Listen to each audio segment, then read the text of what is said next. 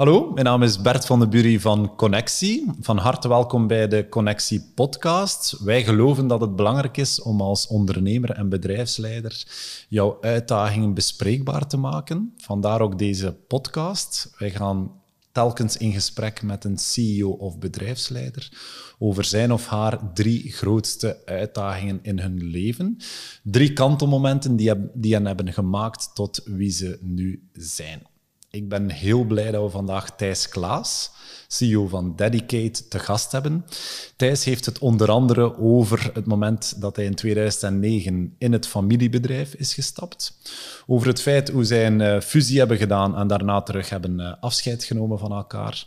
En tot slot eh, hoe zij de ongelooflijke doelstelling hebben om binnen 100 jaar nog te bestaan als onafhankelijk familiebedrijf. Het was een heel fijn gesprek. Ik wens jullie veel kijk- en luisterplezier. En van harte welkom bij de Connectie Podcast.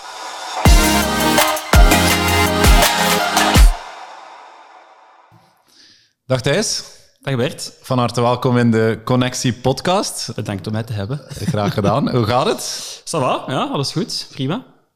We hebben uh, een wat specialer jaar achter de rug natuurlijk. Enfin, het is nog niet helemaal achter de rug, het is nog volop bezig. Maar gezien de context uh, ja, moet ik zeggen dat we niet mogen klagen. Dus uh, alles oké. Oké, en voor de mensen die jou niet kennen, wie is Thijs Klaas? Wel, ik ben Thijs, ik ben 36 jaar. sinds vorig jaar ook vader geworden van een flinke dochter. Um, en ik ben de CEO van Dedicate. Wij zijn een uh, tweede generatie familiebedrijf.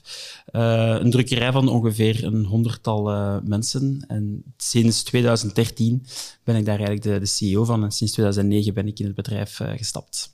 Oké, okay. en als wij vragen hoe zou je jezelf omschrijven, wat komt dan in jou op? Wat wil je weten? Zoveel dat je wilt vertellen? Um, hoe dat ik mezelf zou omschrijven? Um, ik ben een generalist. Uh, dus ik ben iemand die heel graag op de hoogte is van allerlei verschillende zaken. Ik heb veel interesse in, in politiek, in economie, in muziek, in, in allerlei zaken. Um, maar tot op een zekere hoogte. Ik ga misschien minder snel echt in de diepte gaan op dingen. Dus ik ben geen specialist, maar een generalist. Daarnaast ben ik nogal uh, ongeduldig. De meeste mensen die mij kennen weten dat ik nogal snel kan, kan zijn. Dat ik graag heb dat alles ook snel evolueert en gebeurt rondom mij. En dat, dat lukt niet altijd. En dan komt er een kant van mij naar boven die niet altijd positief is. Dus ik kan uh, nogal ongeduldig zijn. En dat is iets waar ik wel moet bewust van zijn. Dat ik dat soms een beetje moet ja, naar beneden halen. Um, en daarnaast uh, ben ook redelijk extravert. Uh, ik ben zeer open, transparant over mezelf, over, over anderen. Um, ik heb ook een brede sociale vriendengroep, dus ik ga ook graag aan een keer een pin pakken bijvoorbeeld. Dat zijn allemaal dingen die zeker bij mij bij, erbij horen. ja. Mm -hmm. En ook filosoof, als ik dat zo mag zeggen. Klopt, ja. Fijn, ik heb filosofie gestudeerd. Okay, ik zeg altijd, dat, allez, filosofie dat is wat de enige richting, als je daarvan afstudeert, dat je niet per se filosoof bent, omdat okay. je filosofie gestudeerd hebt. Okay. Maar ik heb het wel gestudeerd ja. en, en dat was wel een heel leuke ervaring om dat, uh, om dat te doen. Uh, ik heb eerst uh, Germaanse talen gestudeerd en dan gecombineerd met filosofie en dan geëindigd met filosofie. En ik vond dat fantastisch, eigenlijk net om hetgeen dat ik daar juist zei, dat ik een generalist ben als je filosofie studeert, dan gaat je eigenlijk van allerlei verschillende uh, ja, domeinen iets proeven. Mm -hmm. Dat gaat over ethiek, dat gaat over wetenschapsfilosofie, dus over wetenschap, dat gaat een stukje over wiskunde, dat gaat over, over zoveel verschillende domeinen, politiek, taal. Ja, dat triggerde mij. Dus mm -hmm. ik vond dat heel leuk om, dat, uh, om daar ja, een aantal jaar enkel daarmee te kunnen bezig zijn. Ja, want uiteindelijk, dat is dan op vrij jonge leeftijd dat je die beslissing neemt. Allee, Ja. Mij interesseert dat ook, maar dat is nog maar recent aan de, Mhm. aan de oppervlakte komen. Hoe, hoe beslist je dat als jonge gast om filosofie te studeren? Goh, dat is gaandeweg gekomen. Ehm, tijdens mijn stu- studies Germaanse talen hadden wij een vak filosofie, maar dat is een algemeen vak. En dan merkte ik wel dat zowat iedereen in mijn omgeving dat het meest verschrikkelijke vak vond van, eh, van het jaar. En dat ik dat eigenlijk heel tof vond om daarover na te denken. En, en ja, gaandeweg zo wat meer en meer getriggerd geweest. En, en ik merkte ook dat ik de filosofische boeken die we moesten lezen, ik die ook over het algemeen wel leuker vond. En dan op een bepaald moment gezegd van oké, eigenlijk moet ik daar gewoon verder in gaan. Waarom niet? En eh, dat is een heel goede beslissing geweest. Want ik zeg het, die twee jaren dat ik puur filosofie heb gedaan, ik vond dat twee fantastische jaren. eh, dat was echt een max. Oké. Ja. En dan eh, Dedicate. Uh, wat doet en wat is Dedicate? Wel, wij zijn een, een drukkerij uh, met ongeveer een honderdtal mensen en wij profileren ons als een one-stop shop. Uh, dat wil zeggen dat bij ons uh, een klant terecht kan voor al zijn uh, vormen van drukwerk. En dat zijn de klassieke flyers, brochures, boeken enzovoort. Maar dat gaat bijvoorbeeld ook over gepersonaliseerd drukwerk. of dat gaat ook zelfs over sign and display, dus grote panelen, basjes, spandoeken. dat zijn eigenlijk ook allemaal dingen die wij, die wij aankunnen. En de meeste klanten die wij hebben, komen ook voor het totaalaanbod bij ons terecht. Hè. Mhm. Wat we dikwijls horen van onze klanten is van ja, vroeger hadden wij twee of drie verschillende drukkerijen nodig om al onze behoeften te kunnen invullen. Met Dedicate hebben wij één drukkerij die ons op al die verschillende domeinen van print kan servicen. En dat is denk ik ook onze sterkte en dat is ook de reden waarom dat Dedicate vandaag een, een, een gezond, alleen financieel gezond, maar ook uh, qua klantenprofielen enzovoort, een heel goed bedrijf uh, is. Mm -hmm. ja. En hoe gaat het op vandaag in de drukkerijsector? Want ik ben, uh, ja. ben zelf ook opgegroeid in. Mijn vader was drukker, dus ik heb er al wat, uh, ben zo eigenlijk opgegroeid. Dus hoe gaat het in de drukkerijsector? Ja, dat is een goede vraag. Uh, en het antwoord is waarschijnlijk redelijk evident niet goed. Hè? Dus we zitten natuurlijk in een, in een uh, wereld die al maar meer digitaliseert, waardoor het volume, het omzetvolume van drukwerk daalt. in de laatste tien jaar is het omzetvolume in drukwerk met 40% gezakt. Dat is gigantisch. Hè? Op tien tijd voor een sector 40% minder. En dat is ook iets dat volgens mij nooit meer terugkomt. Dat is ingevuld door andere kanalen, door andere manieren om aan communicatie te doen. Uh, internet is daar natuurlijk uh, de, de, grootste van. Uh, TV en radio bestond vroeger ook al, maar dat wordt nu ja, via Facebook en via Google en via allerlei andere kanalen, via het internet, wordt er ook heel veel aan communicatie en reclame gedaan. Mm -hmm. En dat zijn zaken die vroeger ja, via print gebeurden, die nog voor een stukje via print gebeuren, maar ook via die andere kanalen. En dat is een evolutie die ik ook in de komende jaren zie, zie verder uh, evolueren op die manier. Ja. ja, en daar proberen jullie dan op een of andere manier mee om te gaan en op in te spelen met die ja. Toch wel dalende trend, om het zo te zeggen? Ja, dat klopt. Als je niks doet als bedrijf, dan daalt je mee met de markt. Hè. Dat is een, een, een, logische evolutie op dat moment. Maar je kunt ook in een, in een dalende markt groeien mm -hmm. um, door je aanbod te verbreden, door overnames te gaan doen, door toch nog met een, ja, een bepaalde propositie naar de klant te stappen die uniek is. Uh, en het verschil te maken ten opzichte van je concurrenten. Mm -hmm. Het is natuurlijk veel gemakkelijker in een groeimarkt om mee te groeien. Maar dat wil niet zeggen dat het onmogelijk is in een dalende markt om ook die groei uh, te verwezenlijken. Mm -hmm. um, en je moet natuurlijk een beetje voorbij gaan aan het, het geklagen. Ja, het was vroeger allemaal gemakkelijker en het was beter. En vroeger verdienden we meer geld en de marges lagen hoger enzovoort. Ja, oké, okay, vroeger is er niet meer. Vandaag is vandaag. En we moeten zien dat we het met de huidige middelen uh, ook op een goede manier kunnen doen. Tuurlijk. En, en opgericht door je vader. Hoe is ja. dat gegaan? Waarom is jouw vader ooit gestart? Mijn vader was drukker. Okay. Dus mijn vader heeft uh, drukkerij, uh, de richting drukkerij gestudeerd in middelbaar.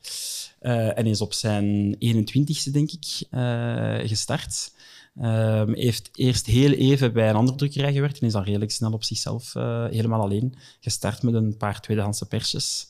Deed alles zelf, maar natuurlijk, dat was in 1978. De technologie van toen is totaal niet te vergelijken met de technologie vandaag. Uh, maar hij is ja, alleen gestart en dan gaandeweg is mijn moeder erbij gekomen en zijn er uh, mensen aangeworven en is het bedrijf stelselmatig gegroeid. Um, voilà, dat is hoe het okay. uh, bedrijf destijds ontstaan is. Je bent daar ook in opgegroeid dan? Waar herinner je dan nog van? van het, uh... Goh, ik ben daarin opgegroeid en ik ben daar niet in opgegroeid. Okay. Uh, in die zin, ik heb de eerste twaalf jaar van mijn leven naast de drukkerij gewoond. Okay. Ons huis ja, was, stond tegen de drukkerij. Uh, dus ik heb altijd geweten dat die er was. En ik heb altijd, ja, wij hoorden ook bij ons de, de machines draaien, hè, als het ware. Uh, maar ik heb daar voor de rest weinig ehm, affiniteit mee gehad of interesse in getoond. Ik ben zelf totaal geen, geen technisch geschoolde mens. Of, allez, ik heb ook twee uh, serieuze linkerhanden, dus ik denk dat ik een goede drukker zou kunnen zijn. Um, en dat was van kind af aan eigenlijk niet hetgeen waar ik mee, mee bezig was. Um, ik weet ook als kind dat ik die vraag af en toe wel eens kreeg van uh, ga jij later de drukkerij overnemen? Daar kon ik heel natuurlijk en spontaan op antwoorden. Nee, dat, dat is echt iets wat totaal niet in mijn interessesfeer ligt of wat dat mij totaal niet boeit. Ja. Dus die is er altijd geweest, maar het is niet zo dat ik van kinds af aan mee aan de machines heb gestaan enzovoort. Nee, dat is zeker niet het geval geweest. Oké. En dan ben je na de studies, uh, wanneer was dat dan ongeveer? 2000 en Ik heb gestudeerd tot 2008 ja. en dan heb ik één jaar lesgegeven in Anderlecht. Uh, Nederlands en Engels in het vierde en het vijfde middelbaar. Oké, dus je zit een, een half, twaalf jaar in het beroepsleven eigenlijk en, en dat je aan het werken bent. Hoe is de tijd op die periode geëvolueerd? Oei, dat is weer een, eh, een goede vraag. Hoe is die geëvolueerd? Um, ja, gestart natuurlijk op een, op een um, manier die compleet nieuw is. Hè. Dus als ik gestart ben in 2009, dat is een, een sprong in het onbekende. Uh, dus je moet alles beginnen ontdekken. Uh, ik kende niet veel van de techniek, ik kende ook niet veel van de sector. Um, ik was daar ook niet mee bezig. Vandaag ja, ken ik die door en door. Hè. Dus op dat vlak is er natuurlijk een, een, een, grote evolutie. En daarnaast, ja, als mens op, op 12 jaar tijd evolueert je. Dus evolueert je natuurlijk ook in die, in die rol. Um, vandaag weet ik wat ik wil en weet ik ook wat, uh, wat voor mij de toekomst is van ons bedrijf. Als ik in 2009 in het bedrijf stapte, uh, wist ik zelfs niet of ik überhaupt wou blijven in het bedrijf. Dat was meer een experiment of een probeersel mhm. dan dat ik zei van ik kom hier in het bedrijf en ik ga het verschil maken. Nee, dat was eerder van ik ga een keer komen proeven en ik zal wel zien of dat ik blijf of niet. Mhm. Dus dat was met toch wat, wat voorbehoud dat ik in het bedrijf gestapt ben. Dus in die zin allez, is de persoon die hier vandaag voor u zit niet te vergelijken met de persoon die destijds uh, in het bedrijf gestapt is. Dus voor u is het vandaag veel duidelijker dan, dan toen. Ja. Zoals dat je zelf zegt, een experiment dat toch... Uh, ja, klopt. Ja. Oké. Goed, het concept van de podcast is dat je op voorhand mocht nadenken over uh, drie kantelmomenten. Momenten die belangrijk zijn geweest de voorbije jaren. Hoe was dat om die te selecteren? Um, ik vond dat wel eens leuk om terug te kijken. Zo van, nou, hoe zat dat nu ook alweer precies allemaal? Van waar komen we? Waar staan we vandaag? En ook het bepalen van die drie kantelpunten. Ja, je moet daar wel eens wat over nadenken. Ik vond mhm. dat leuk om dat eens, daar eens op terug te kijken en daar nu zo ja, die drie momenten uit te halen. Dus uh, bedankt voor de oefening. Graag de oefening op zich was al leuk. Voilà, voilà, voilà. Graag gedaan. En dan gaan we direct beginnen met het eerste moment. En dat gaat over uh, 2009. Ja. Ja, zoals ik hier juist al zei, dat is eigenlijk de beslissing om in het bedrijf te stappen.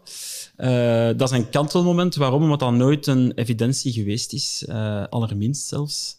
Zoals ik al zei, ik heb nooit de intentie gehad om in het bedrijf te stappen. Uh, ik heb al gezegd dat ik Germaanse talen en filosofie heb gestudeerd, maar ik heb ook één jaar ervoor nog handelsingenieur gedaan. Um, waarom? Ja, eigenlijk komt het dat ik daar straks ook zei. Ik ben generalist, dus ik was ook op school eigenlijk in alle vakken bij wijze van spreken geïnteresseerd. En ik vond het heel moeilijk om één specifieke richting te kiezen. En handelsingenieur, dat was zo'n richting waar je alles had. Je taal, je wiskunde, je wetenschappen, je economie. Ik dacht, oké, dat is allemaal verschillende vakken, ik ga dat doen. Um, maar dan bleek al heel snel dat alles nogal op dat economische uh, toegespitst was. En dat was, dat was minder mijn ding. Um, en dan ben ik, ja, zegt oké, okay, door dat te beseffen, maar dat is minder mijn ding, wat doe ik echt graag? Ja, dat is meer literatuur enzovoort. dan ben ik in Germaanse talen gerold en uiteindelijk in filosofie. Dus om dan die stap toch terug te maken naar het bedrijfsleven, hè, dat is helemaal geen evidentie. En dat heb ik eigenlijk een beetje te danken aan mijn zussen. Okay. Ik heb twee oudere zussen, uh, Heidi en Sandra. En die zijn toevallig ongeveer op hetzelfde moment uh, gestart in het bedrijf, en dat was 2006. Um, en na drie jaar um, hadden zij zoiets van: Goh, wij vinden het hier wel leuk, wij voelen ons hier wel thuis, wij willen het bedrijf wel verder zetten. Okay. Um, en ik gaf op dat moment les in, uh, in Anderlecht. En ja, dat was dan een beetje de, de vraag van oké, okay, maar als twee van de drie kinderen het bedrijf willen overnemen, ja, wat doen we dan met die een derde? Dat is een beetje een, een, een raar gevoel. Je spreekt ook al een beetje over erfeniskwesties op dat moment, want ja, als dat dan wordt overgedragen, hoe gaat het dan precies? Uh, dus dat werd eigenlijk, enfin, dat is al twaalf jaar geleden, dus ik kan me dat gesprek niet meer exact herinneren, maar ik kan me wel herinneren dat dat wat ongemakkelijk werd. Okay. Zo van, oké, okay, maar hoe gaan we voor dat Voor je ouders dan, of voor Goh, jullie? Of? Voor mij, voor mijn zussen denk ik ook. Ik denk dat ik mijn, misschien vooral het ongemak met mijn zussen voelde. Um, dat is een beetje dat ik mij dat herinner vandaag. Tot als mijn moeder, denk ik, op een bepaald moment zei van ja, maar waarom probeert je het niet gewoon een jaar? Hè? Ze wist ook dat ik in het onderwijs niet super gelukkig was. Ik vond dat wel, wel leuk om iets gedaan te hebben, maar ik zei ook heel duidelijk, ik ga geen 30 jaar les blijven geven. Uh, Dus ze zei, als je dan toch wilt veranderen, probeer het gewoon een jaar. Ook als je nadien beslist om het niet te doen, dan weet je tenminste wat het bedrijf is, wat het inhoudt, welke mensen hier werken. Dan kent je toch een beetje, dat is toch altijd ook positief. En ik vond het eigenlijk een heel fair uh, voorstel. Ik dacht, oké, laat het ons gewoon een jaar de kans geven. En dan zullen we wel zien. Hè. En dan ben ik eigenlijk gestart op, uh, ja, op 1 september 2009. Um, eerste schooldag. Ja, met de eerste schooldag zo. Ja. Eerst nog twee maanden vakantie en, dan, uh, en dan gestart. En uh, ja, dat was eigenlijk een beetje een, een, een heel raar moment. Omdat um, als ik ben gestart in het bedrijf, is eigenlijk ook een beetje het moment geweest dat met het bedrijf minder goed is beginnen gaan. Okay. Uh, dat hoop ik toch weinig met mij te maken, maar met het feit dat dat toevallig de, de financiële crisis was die uh, in 2008 eigenlijk in Amerika uh, ontstaan is en die stelselmatig kwam overgewaaid. Um, naar, naar Europa. En ja, dat kwam eigenlijk in, in de cijfers terecht. Allee, we voelden dat gewoon eigenlijk dat er veel minder bestellingen waren. Dat veel klanten zeiden van, we zijn super content over jullie, maar volgend jaar zal 30% minder zijn, want we moeten op marketing besparen enzovoort. Dus ja, we begonnen wel te voelen van, hola, de ongoing business, zoals dat hier de laatste jaren geweest is, dat is niet meer zo. Mm -hmm.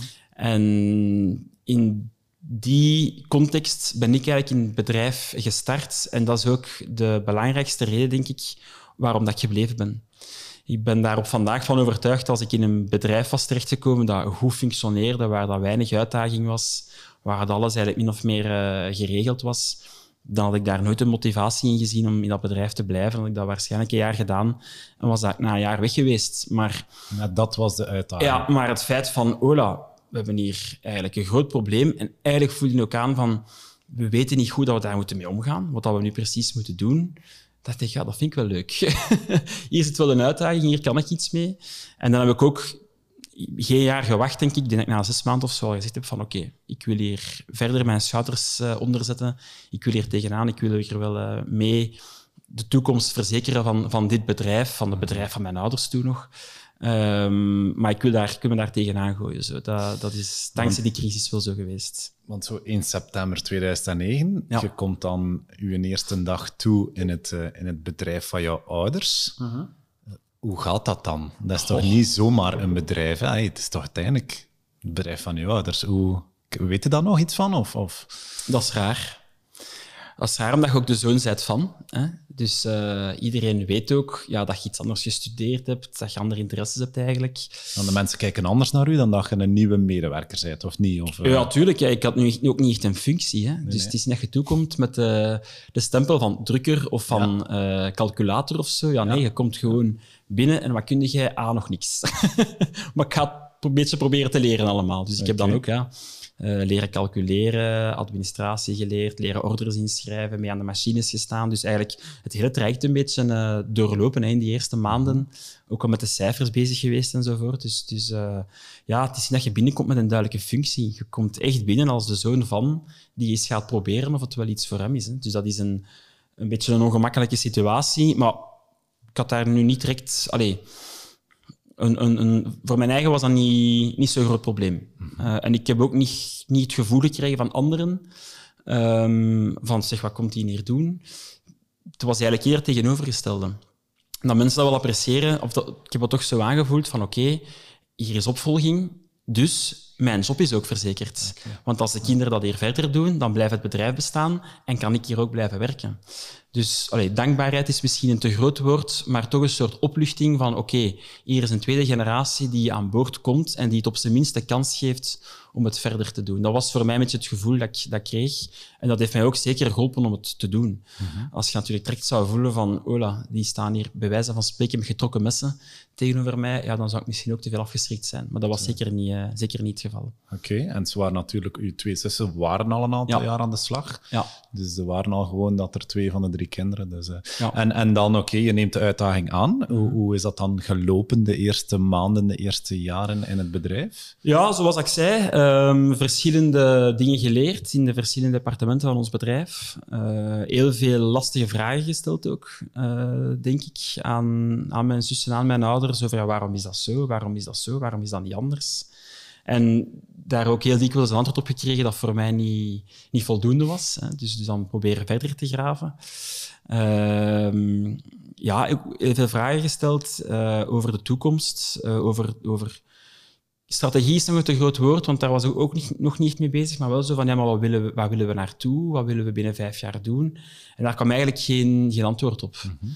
Uh, mijn vader was drukker hè, en mijn, mijn vader was iemand die, die elk steentje wist liggen in het bedrijf en die alles, alle touwtjes zo hard in handen had, ja, dat hij perfect wist uh, wat er binnen het bedrijf gebeurde. Maar wat er buiten het bedrijf zich afspeelde, daar had hij minder affiniteit mee. Um, mijn vader is bijvoorbeeld een van de laatste mensen geweest, denk ik, die een computer had en die met zijn computer begon te werken. Um, dus dat, dat aan dat hij ja, heel veel met dat proces bezig was van het druktechnische, maar minder met de evolutie van de wereld erbuiten. En dan merkte ik wel dat daar ons bedrijf een beetje um, ja, achterop hinkte, zal ik maar zeggen. Niet echt wist van, ja, met die veranderende context, hè, met, met internet, met de digitalisering, hoe gaan we daar als bedrijf mee omgaan?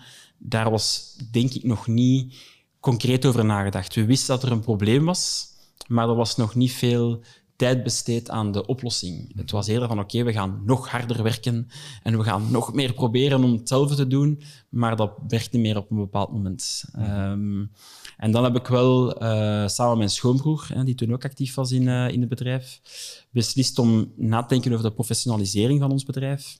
Hebben we, um, ik denk destijds ook bij VOCA een opleiding gevolgd over uh, raad van advies, raad van bestuur. Hebben we in 2010 beslist om de raad van advies op te richten.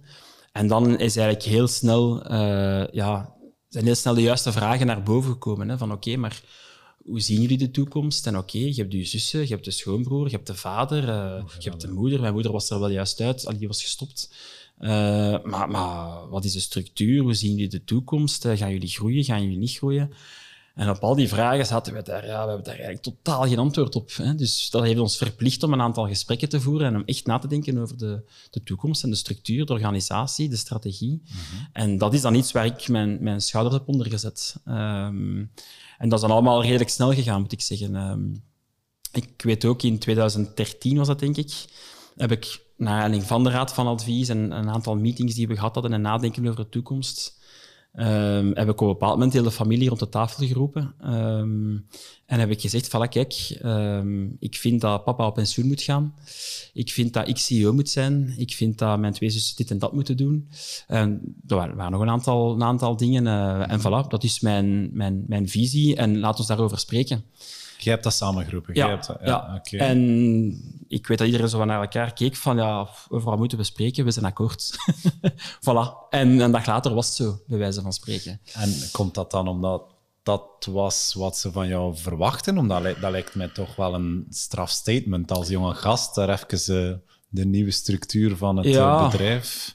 Dat is in de eerste plaats natuurlijk ongelooflijk veel geluk. Hè. Dat moet ik wel van in het begin erbij zeggen. Er zijn heel veel familiebedrijven die daar tien of twintig jaar over doen, over dat proces. Waarom? Omdat er gewoon één of twee of drie zijn die zeggen ik wil CEO worden. ik wil op die positie zitten en ze raken daar niet uit. Of ze hebben een oprichter die zegt van dat is goed dat de tweede generatie aan boord is, maar ik ben 60 jaar, ik kan nog wel tien jaar mee. Hè? We zullen binnen tien jaar wel een keer spreken over de overgang. Uh, dus het feit dat dat bij ons niet zo was, ja, dat is een beetje geluk. Hè? Dat is het inzicht van mijn vader, die zegt van oké, ik ga lossen en ik ga het aan de tweede generatie overlaten. En ook mijn zussen die mij van in het begin gesteund hebben en gezegd van oké, wij geloven in u in die rol en we steunen u ja, dat had even goed anders kunnen lopen en dat had misschien een veel moeilijker proces geweest. Maar daar was dat heel gemakkelijk. En waarschijnlijk was dat ook omdat ze vertrouwen hadden in, in, in die rol op dat moment, die, die ik mezelf had toebedeeld. Hè. Als ze daar geen vertrouwen in zouden gehad hebben, zouden ze dat ook wel gezegd hebben. Maar eigenlijk is dat een kwestie van de persoonlijkheden die op dat moment ja. samenvallen. Hè? Ja, en, dat, en, daarom dat ik zeg, dat is geluk. Hè. Ja, op dat okay. moment, daar moet je ook eerlijk in zijn. Allee, dat had even goed anders kunnen zijn. En, ja, en als je een aantal is... ego's hebt die zeggen van... Uh, ja en, en jouw vader was dan ook direct akkoord om, om dan afstand te nemen of ja. los te laten? Was... Ja, die was daar absoluut klaar voor. Okay. Die, uh, die, heeft dat niet direct gedaan. gedaan hè. Uiteindelijk tot eind 2014, denk ik, als ik me goed herinner, uh, aan boord gebleven. Ja, eind 2014. En dan uh, gestopt. En vandaag komt mijn vader letterlijk twee of drie keer per jaar nog langs en, en, en dat is het. En voor heel veel mensen die mijn vader goed gekend hebben, uh, zowel mensen die bij ons werken als klantenleveranciers, die kunnen dat niet begrijpen. Omdat mijn vader zo aanwezig was altijd in het bedrijf. Ja. Maar die heeft dat echt ongelooflijk goed uh, gelost. Um, en ja, chapeau voor hem, hè, dat, ja, je dat kunt absoluut. als je meer dan 30 jaar lang, 35 jaar lang, zo met zoveel passie en zoveel energie en tijd ja, u, uw aandacht geeft aan een bedrijf om het dan te lossen, ja, dat is een heel grote prestatie. Dat is misschien zelfs de grootste prestatie van allemaal geweest uh, van hem. Dus, uh, Want je kent ook ja. wel wat familiebedrijven waar het er uh, anders Ja. aan toe gaat. En waar uiteraard het een altijd met het ander te maken heeft. En, en zo de... Een, eh, ik heb nog weinig verhalen gehoord waarbij dat de, de eensgezindheid zo groot is. Want uiteindelijk, je kunt dat voorstellen. Klopt. Maar dan eh, het effect daarvan, dus dat is toch niet zo evident. Dat is toch... eh, En dat is vandaag ook de sterkte van ons bedrijf. ja. Eh, dat klopt. En, en dat is ook iets dat, dat duurzaam is. En dat is voor mij een, een belangrijke. En ik krijg regelmatig die vraag, meer dan dat je dat misschien zou denken, van, uh, vind je dat niet, niet jammer dat je je zussen niet hebt uitgekocht? Hè? Want je doet het nu goed met bedrijven enzovoort. Allee, hadden tien jaar geleden je zussen uitgekocht, dat had toch veel beter geweest voor u. Ja, en dat is voor mij zo'n rare vraag, omdat ik denk van, dat is zelfs nooit een... opgekomen. Ja, dat is nooit een optie geweest. Dat is iets dat wij gekregen hebben van onze ouders, dat wij nu verder zetten. En ik heb die rol, maar ik heb die rol ook voor een stuk dankzij hen, hè, omdat zij mij gesteund hebben van in het begin daarin. Dus om dan te spreken over, over ja, ik had die moeten uitkopen en ik had er nu beter van af geweest, is voor mij een heel raar gegeven. En, en, maar echt waar, ik, ik krijg die, die vraag, ik ga niet zeggen maandelijks, maar ik krijg die een paar keer op het jaar van mensen van, hoe is dat nu dat jij CEO bent en je hebt daar nog twee zussen die ook een derde van de aandelen hebben en die mee profiteren. Ik, die profiteren niet mee. Die, die zijn aandeelhouder, die zijn ook operationeel actief. Maar zelf moesten ze dat niet zijn, dan nog vind ik, ja, we hebben dat gekregen van onze ouders. Ja, dat is nooit in mij opgekomen om daar op die manier naar, naar te kijken. te eh. kijken. En dat is ook dat, dat, dat duurzame, denk ik, dat wij ook in ons opvoeding hebben meegekregen. Dat, dat zich nu ja, verder zet in, in, in bedrijven waar dat ik ook allee, over nadenk naar de toekomst toe. Maar dat is het, eh, het derde kantelpunt, dus dat, daar kan ik straks nog wel wat verder op, eh, op, op ingaan. En hoe, hoe was of is dat voor je ouders om hun drie kinderen te zien, te zien fungeren in, in, in het bedrijf? Ehm, ja, zoals ik zei, ze hebben er eigenlijk afstand van genomen. Dus ze zijn daar niet echt mee bezig. Ehm, uiteraard zullen ze daar heel trots op zijn. Hè? En zullen ze dat heel leuk vinden dat het bedrijf verder kan, kan groeien eh, bij, bij hun kinderen. Maar het is niet zo dat ze echt op de hoogte zijn van, van hoe dat wij precies functioneren en wat de evoluties zijn. En, allee, we proberen één keer per week samen te eten, uh, smiddags in de week. En dan vertel ik wel wat, wat, wat zaken, maar dat is heel algemeen over... Ja, we zijn aan het denken over een nieuwe machine te kopen of misschien een nieuwe overname te doen of zo. Maar echt de details van de samenwerking, daar, staan ze, daar houden ze hun buiten. En dat is ook goed, denk ik, dat dat op die manier is. Want ik denk, dat is een soort doos van Pandora.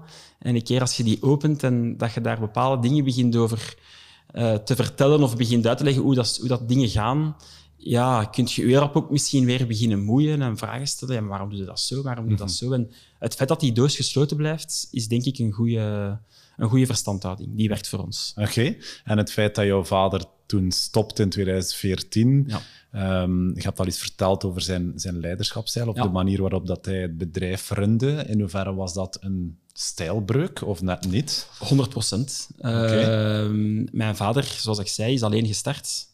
Heeft gaandeweg het bedrijf zien groeien, eh, maar had alle touwtjes in handen. Eh, wist perfect wat er op elk vlak moest gebeuren. Eh, controleerde elke calculatie, controleerde elke nakalculatie, bij wijze van spreken. Dus elke job werd gecontroleerd, elke persoon werd gecontroleerd. Alles ging door zijn handen. Hij kon dat ook. Hè. Je moet dat ik- kunnen, hè? Voilà, maar als, als ik er dan kwam, ik kon dat helemaal niet. Ik heb helemaal die kennis niet, ik heb die capaciteit, dus ik kon het ook op die manier niet doen. Ehm, maar dat zorgt ook op een bepaald eh, moment ervoor dat je je eigen bottleneck wordt in, in je bedrijf. Want je kunt als persoon maar een aantal touwen of touwtjes in handen hebben. Je kunt er geen honderd in handen houden. Eh, dus dat zorgt ook op een bepaalde manier voor een, een, een, een grootte van een bedrijf die ook beperkt blijft. Waar niks verkeerd mee is natuurlijk. Hè.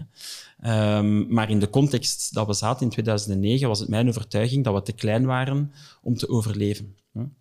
Waren eigenlijk te groot om bij de kleine te horen en te klein om bij de grote te horen. Want hoe, kle- hoe klein waren de toen? Of hoe, Eh, toen eh, zaten we in, want we hadden toen twee bedrijven, eentje in Sint-Pietersleeuw, daar zaten we met een 35-tal mensen. En in Lier, in het Antwerp, zaten we ook met een bedrijf van 30 mensen. Ja, dus eigenlijk twee bedrijven van ongeveer 30 à 35 Uw overtuiging was dat is te weinig Ja. om, eh, om te overleven. Ja, dat is een van de studies die we dan samen met de Raad van Advies hebben uitgevoerd zelf. En dat is dan de befaamde U-curve, waar dat wij onderaan de U zaten, stuk in de middel.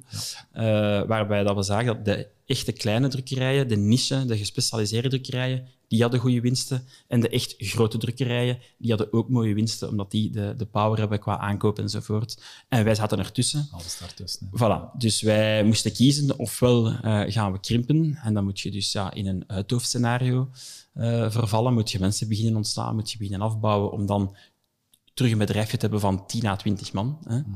Ofwel gaat je voor een groei maal 2 maal 3, eh, om proberen bij die grote te horen. Hè. Dus we hebben eerder al beslist, oké, wij gaan voor dat tweede scenario, wij zijn gedoemd om te groeien, noemden we op dat moment. Ehm, en dan weet je ook, oké, dan moet qua stijl, wat dat mijn vader destijds deed, dan moet dat veranderen. En dat was ook persoonlijk, allee, mijn, mijn, mijn persoonlijke overtuiging, dat dat niet duurzaam was naar de toekomst toe. Ehm laat ons mij het even als een karikatuur eh, voorstellen. De, de autoritaire leider die tegen iedereen zegt wat hij moet doen. Ja, ik denk niet dat je met dat model eh, binnen twintig jaar nog veel successen kunt, kunt boeken eh, in onze omgeving.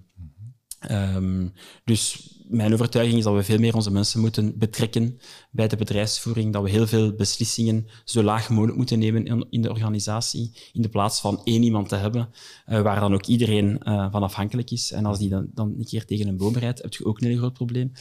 Ehm, en dat is wel iets dat we geprobeerd hebben om gaandeweg, eh, zonder daar revoluties in te willen ontketenen, maar gaandeweg stappen in te zetten. Maar dat is niet gemakkelijk, want ehm, mijn overtuiging was een beetje dat voor de mensen een bevrijding zou zijn op een bepaalde manier. Van oké, we worden niet meer zo strak gecontroleerd en we gaan zelf inspraak krijgen in onze dagelijkse werking. Maar in het begin is het tegengestelde waar. hè. In het begin zeggen de mensen, ja, maar je moet mij zeggen wat ik moet doen. Ik bedoel, dat is toch uw taak als manager? Daar word jij toch voor betaald om tegen mij te zeggen wat ik moet doen? Ik moet toch niet beginnen mee nadenken. Eh, dus dat was wel al zo'n eerste besef van, oké, ja. dat gaat hier niet zomaar zijn. Wat ik denk, we gaan daar echt moeten stappen in zetten. En we gaan ook mensen hebben in ons bedrijf die daar niet in mee eh, willen evalueren en die daar niet in geloven. Ehm, en dan is de vraag, oké, wat, wat doet je met die mensen? Doen we daarmee? Ja, ja. En de, de gemakkelijke, eh, het gemakkelijke antwoord is van oké, dan moet je daar vroeg of laat afscheid van nemen, want dat past niet in je cultuur. Het antwoord dat ik vandaag zou geven is dat is geen probleem. Zolang dat, dat geen dominante meerderheid is, hè, dat dat, laten we zeggen, een, een 10 of 20 procent in, hun, in bedrijf is, en die mensen doen hun job goed, ja, laat die rustig hun job doen. Je moet niet willen eh, een cultuur creëren in een organisatie met 100 man, waar dat iedereen zegt, wauw, dat is hier de, de, de cultuur waar we voor staan. Dat kan, hè. Er zijn ook bedrijven die daarin, die daarin slagen. Hè. Maar in ons familiebedrijf is dat niet geen waar, dat we, waar dat we voor staan. Als er een aantal mensen zijn in ons bedrijf die gewoon, om het zo te zeggen, from 9 to 5 hun job willen doen en op een goede manier doen en voor de rest gerustgelaten willen worden, ja, dan kan dat. Op voorwaarde dat er genoeg andere mensen zijn die wel mee aan de kaart willen trekken en die wel mee het bedrijf naar een, hoger- naar een hoger niveau willen, eh, willen tillen. Maar in het begin, als mensen zeiden van oké, je moet mij zeggen wat ik moet doen, Ja. was dat eerder uit gewoonte. Ja, Of dan ze dat, dat altijd zo gewo- gewoon geweest waren, dan dan ze dat wilden. Want uiteindelijk, beide. die bewustwording is er dan wel gekomen. Zo van, eh, Ja, maar dat is beide natuurlijk. Ja, natuurlijk, ja. Enerzijds Ja. van, ja, maar wat moet ik nu doen? Eh, ja. Ik weet het niet, zeg ik dan. jij kent je job toch beter als ik? Ja, maar als jij me niet zegt wat ik moet doen, dan... Ja, Ja. ja, allee. Nee, nee, Dat, dus, dat is ook een Dat beetje een karikatuur dat ik nu schets. nee, nee, maar, maar twee richtingen. Ja. Voilà, daar komt het een beetje op neer. En anderzijds ook de overtuiging, als je 20 of 30 jaar lang op die manier zit aangestuurd, en dat is succesvol, hè, want het bedrijf was ook succesvol gedurende al die jaren, dan is het toch van, ja, maar het is toch bewezen dat dat hier de manier is waarop dat we het moeten doen. We hebben het altijd zo gedaan en we hebben daarmee een goed bedrijf gemaakt. Mhm. Dus ja, die eh, switch dan maken, dat is allerminst eh, evident. En daar heb je geduld voor nodig. En dat is niet dat de heb sterkste kant. Oké. Ja. Alright, dan is het eh, tijd voor het tweede moment. En dat gaat over een bepaalde periode waar Ja. jullie een, een fusie hebben gedaan. Ehm, dat is een beetje in het verlengde van hetgeen dat ik je juist heb verteld. Op een bepaald moment zeggen we van oké, wij zijn te klein om bij de grote te horen. We hebben een bepaalde taille nodig, een bepaalde grootte nodig om sterk te kunnen onderhandelen bij aankopen, om ons uh, aanbod flexibeler te kunnen maken voor onze klanten enzovoort. Um, en dan weet je dus op een bepaald moment dat je moet ja, maal twee gaan, zal ik maar zeggen, als bedrijf. En dan hebben we eerst uh, drie overnames gedaan in 2011, 12 en 2014. En in 2014, want het waren kleinere overnames, altijd een, een ongeveer een tiental mensen, uh, een paar miljoen euro omzet, uh, tussen de vier en de zes, maar nooit echt een grote sprong gemaakt. Um, en dan in 2014 ben ik in contact gekomen met, uh, met een andere bedrijfsleider, die eigenlijk een bedrijf had dat heel vergelijkbaar was met onze, en die dezelfde filosofie had. Die zei van oké, wij zijn ook stuk in de middel. Als wij hier onze twee bedrijven samenvoegen, ja, dan zetten we een hele grote stap vooruit. Dan creëren we een bedrijf van ongeveer 130 man. Uh, dan hebben we die grootte, dan hebben we die sterkte en dan zetten we een stap vooruit. En dus wij hebben die, we zaten heel snel op dezelfde golflengte, omdat we elk vanuit eigen, ons eigen perspectief tot diezelfde conclusie gekomen waren. We hebben een aantal maanden zeer intensief samengewerkt, dagelijks samengewerkt over oké, okay, hoe zien we de toekomst, de structuur, de organisatie, lange termijn doelstellingen, korte termijn doelstellingen. Het uh, was een hele fijne samenwerking ook. Het was heel tof om dat te doen. En dan begin 2015 hebben wij de fusie uh, aangekondigd. Mm -hmm. Um, dus op dat, op dat, moment hadden wij een bedrijf van ja, een, ongeveer 130 mensen, misschien 140 mensen in totaal. Uh, op drie locaties, Sint-Pietersleeuw, Jette en, uh, en Lier, hebben we ook direct aangekondigd van kijk, we gaan naar één locatie. Mm -hmm. Dus dat zorgt natuurlijk al voor heel wat beroering. Hè. Iedereen, twee derde van uw bedrijf beseft van oh, wij gaan moeten verhuizen naar een andere locatie die toch wel enige kilometers van de huidige locatie verwijderd is. Dus dat zorgt al voor wat stress uh, in uw organisatie. En ja, tout court, hè. bedoel, um, ik heb onlangs eens gelezen dat de fusie van twee familiebedrijven de snelste manier is om een maagsfeer te krijgen. Ik kan me daar iets bij voorstellen. Okay. Ja, dus allee, dat is heel moeilijk om, om, om twee verschillende culturen, hè, om die samen te brengen um, in een fusieverhaal. Als je een bedrijf overneemt, dan neemt je mensen, machines, structuren mm -hmm. over en dan zeg je eigenlijk een beetje van kijk, dit is hoe dat wij het doen we zijn helemaal akkoord om te luisteren naar jullie input en we gaan samen in gesprek. Maar dit is de structuur en daar bestaat eigenlijk weinig discussie over. Die mensen aanvaarden dat ook van oké, okay, we gaan ons een beetje conformeren aan wat dat jullie hier al doen. Wij zijn met tien, jullie zijn met honderd. Dat is een normaal gesprek, hè, dat op die manier evolueert. Ook al krijgen die mensen inspraak in hun dagdagelijkse werking. Als je twee bedrijven fusioneert die ongeveer even groot zijn, uh, ja, dan heeft er niemand gelijk. Of heeft er niemand het recht, onbewust of impliciet, om te zeggen, dit is hoe we het gaan doen. Dus je moet iets samen vinden ja, eigenlijk. Je ja. moet eigenlijk samen iets nieuws vinden. Iets nieuws creëren. Want ja. de twee uh, organisaties die je had, als je die gewoon zou in een grotere organisatie, een organisatie dubbel zo groot is steken, dat werkt ook niet. Mm -hmm. Dus je moet een nieuwe manier vinden om samen te werken. Maar je vindt die niet direct. Mm -hmm. Dat is logisch. Je kunt niet zomaar verwachten dat dat heel, heel vlotjes loopt van in het begin. Dus wat krijg je? Je krijgt een aantal experimenten van oké, we gaan ons zo en zo en zo structureren en we gaan zo en zo en zo werken. En wat krijg je op dat moment? Mensen die zeggen, ja, maar dat, dat marcheert er niet. Hoe dat wij vroeger werkten, hè, dat was eigenlijk veel beter. Toen ging dat wel. En de twee entiteiten hebben datzelfde gevoel. En dus die zeggen eigenlijk alle twee, hoe het bij ons vroeger was, was het beter, we moeten terugkeren naar die werking. En dan moet je dus de mensen overtuigen van, ja, maar jullie willen A, jullie willen B, maar nog A, nog B kan ooit lukken in deze organisatie. We moeten een C vinden. En dat is een heel moeilijk, uh, heel moeilijk proces geweest. En daar hebben we toch wel een aantal maanden, misschien zelfs jaren, uh, serieus mee, mee afgezien en, okay. en heel veel stappen vooruit gezet, weer achteruit gezet. Dit geprobeerd, het gaat toch niet, weer een stap achteruit zetten. En dat is een, een heel woelige periode geweest. Mm -hmm. Zowel voor mij als voor heel veel mensen in, uh, in de organisatie. We zijn daardoor ook, daardoor ook een aantal goede mensen verloren. Okay. Um, een aantal van die mensen zijn ook teruggekeerd sindsdien. Dus dat moet soms ook kunnen.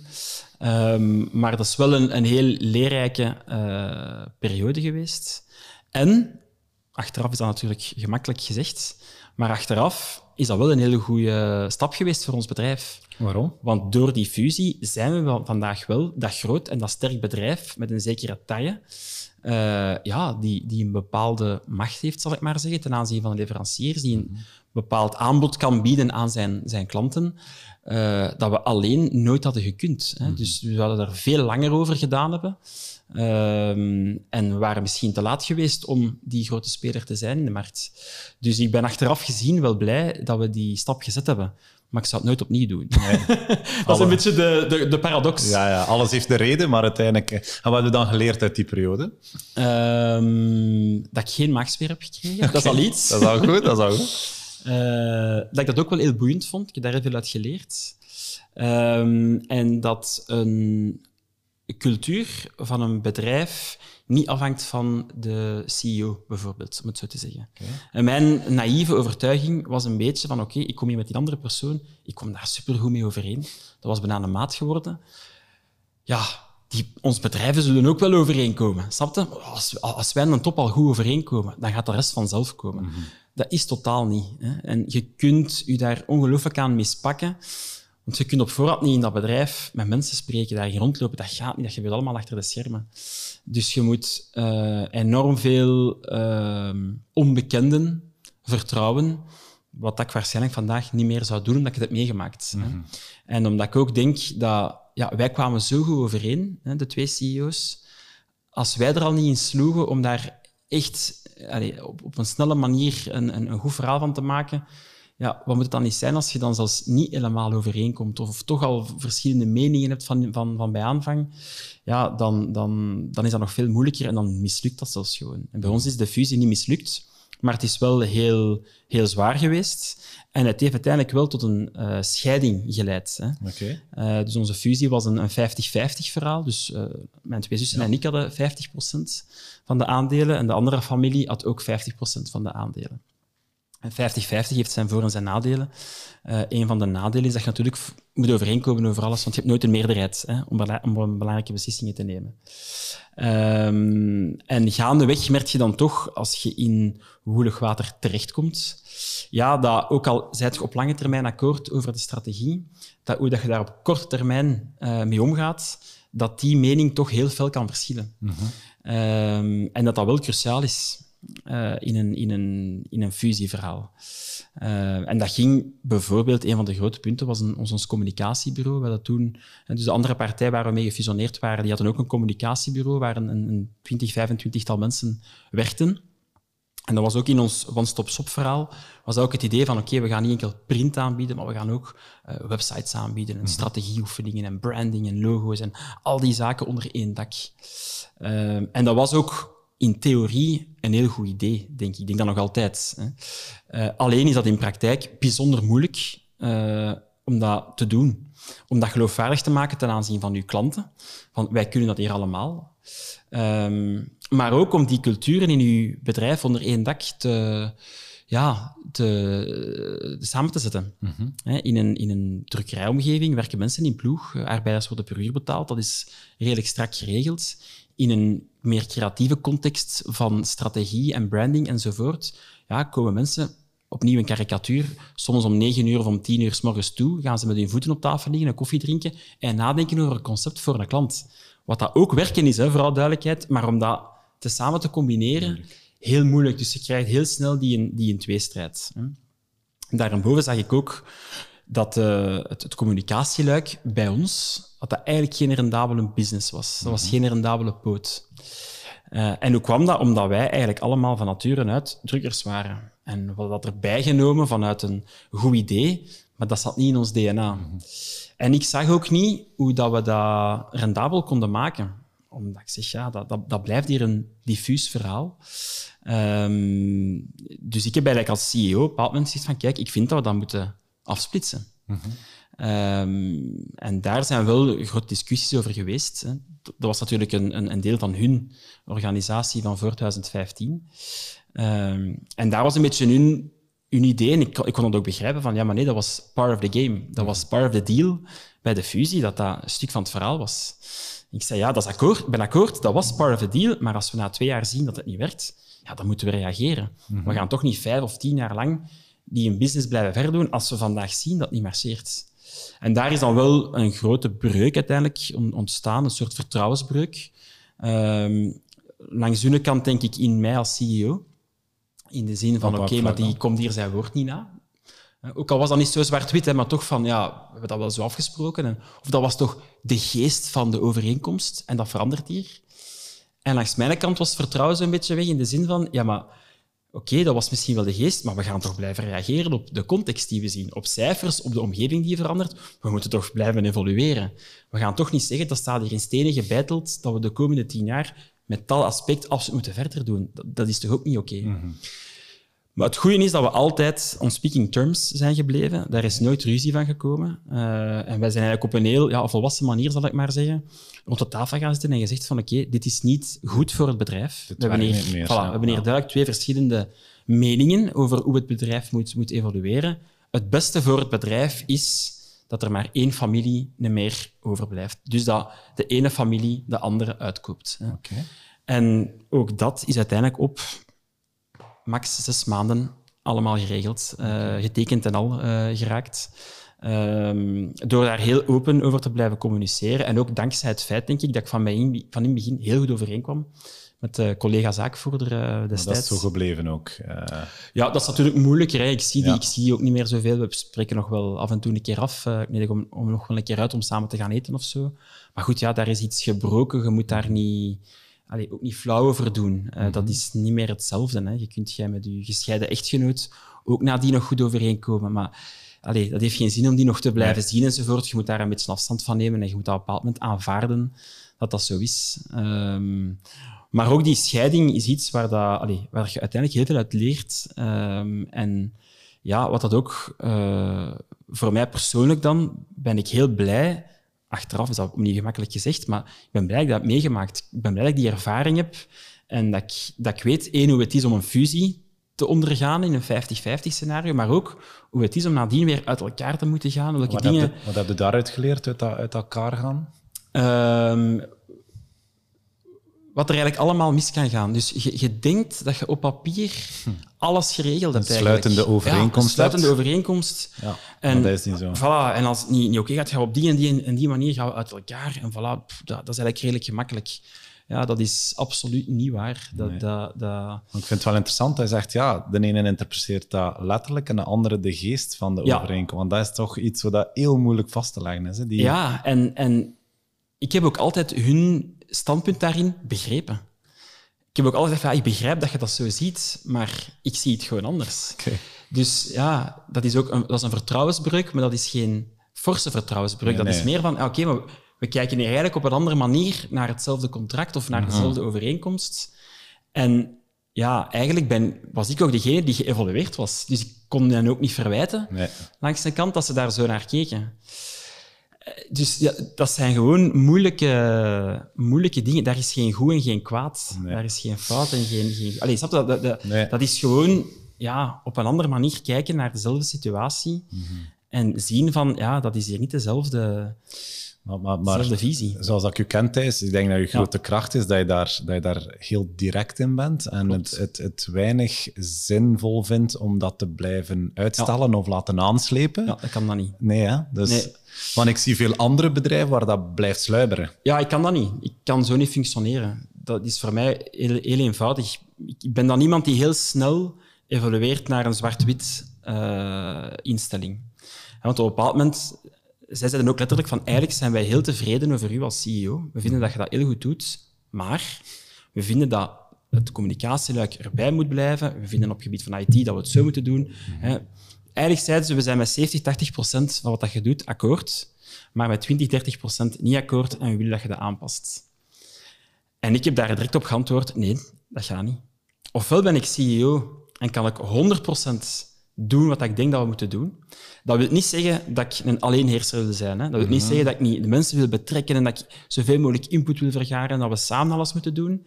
Maar ik vind wel dat ik als CEO mijn beleid moet kunnen voeren. Mhm. En als ik denk dat een bepaald departement structureel verlieslatend is en ik zie niet hoe dat we dat in de komende jaren winstgevend kunnen maken, kun je van mij niet verwachten dat ik dat ga doen. Want ik zie het niet.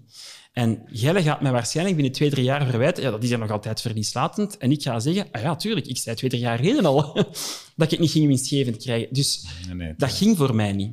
En er zijn misschien mensen die op dat moment zeggen, oké, om de goede vrede te bewaren, ik zal dat proberen en, en dat kan dan misschien ook lukken, hè? of misschien niet lukken, dat weet ik niet. Maar voor mij persoonlijk werd zoiets niet. En van waar komt die, eh, die zelfzekerheid, die duidelijke mening?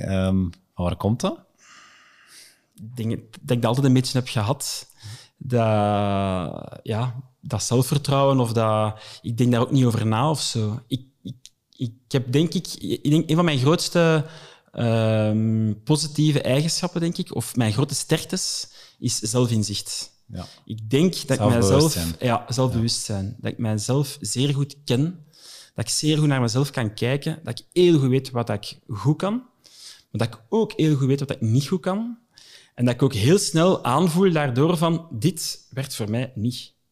Dat gaat niet. Ik kan dat gewoon niet. En ik kan dat proberen, maar ik weet 100% zeker dat het geen jaar gaat duren voordat ik ga zeggen, dat marcheert voor mij niet. Dus ik ga het nu wel zeggen. Want ik, ja, ik, ik voel dat gewoon in elke vezel, bij wijze van spreken, in mijn lichaam.